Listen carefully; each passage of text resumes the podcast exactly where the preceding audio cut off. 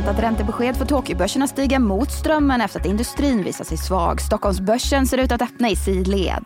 Det är tisdag den 31 oktober. Du lyssnar på DI Morgonkoll och jag heter Sofie Gräsberg. Vi börjar i Tokyo där Bank of Japan som väntat lämnar styrräntan oförändrad på minus 0,1 procent. Men japanska yenen tappar ytterligare mot dollarn efter att centralbanken gjort oväntat små ändringar på räntekurvekontrollen. Och börsen den stiger över nollstrecket. Och det har varit ett dystert sentiment på de ledande asiatiska börserna under morgonen. Japans industriproduktion kom in kraftigt under förväntan för oktober och samma månad så sjönk Kinas industriaktivitet åter under tillväxtgränsen. Även det var oväntat låga siffror.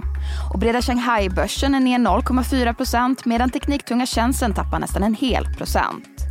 Men mot strömmen på Shanghai-börsen går Foxconn Industrial Internet.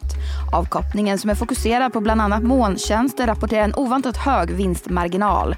Mycket tack vare bolagets AI-produkter. Tyngre var det på Hongkongbörsen där Hang Seng Index backar 1,7 procent.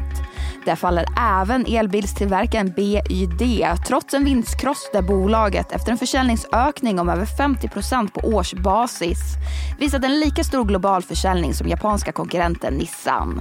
Vidare till USA där det var muntrare. Båda breda S&P 500 och teknikdugan Nasdaq inledde veckan med en stigning över 1% McDonalds steg på börsen efter att hamburgarkedjan rapporterat en omsättning över förväntan och en intäktstillväxt på 14 Vidare bland enskilda bolag så backade Tesla nästan 5% efter att dess batterileverantör Panasonic aviserade produktionsminskningar vilket enligt Reuters väckte farhågor om att tillgången på Tesla-bilar framöver.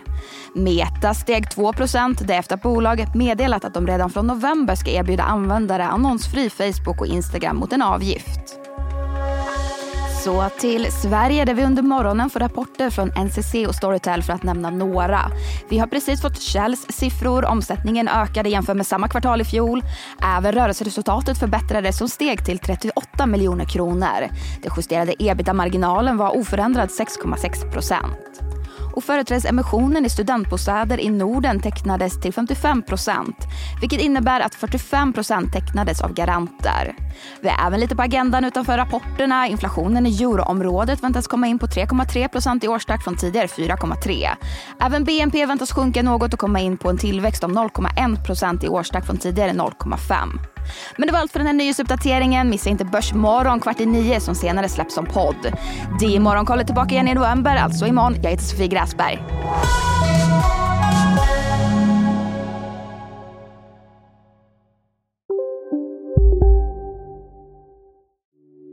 Hej, Ulf Kristersson här. På många sätt är det en mörk tid vi lever i. Men nu tar vi ett stort steg för att göra Sverige till en tryggare och säkrare plats. Sverige är nu medlem i Nato. En för alla, alla för en. Expressen gör varje vecka podden Politikrummet där vi djupdyker i det senaste och viktigaste inom svensk politik. Med mig, Filippa Rogvall, som programledare tillsammans med mina vassa kollegor. Och det är ju ni som heter Thomas Nordenskjöld, Anette Holmqvist och Viktor Bartkron. Politikrummet kommer med ett nytt avsnitt varje tisdag. Vi hörs.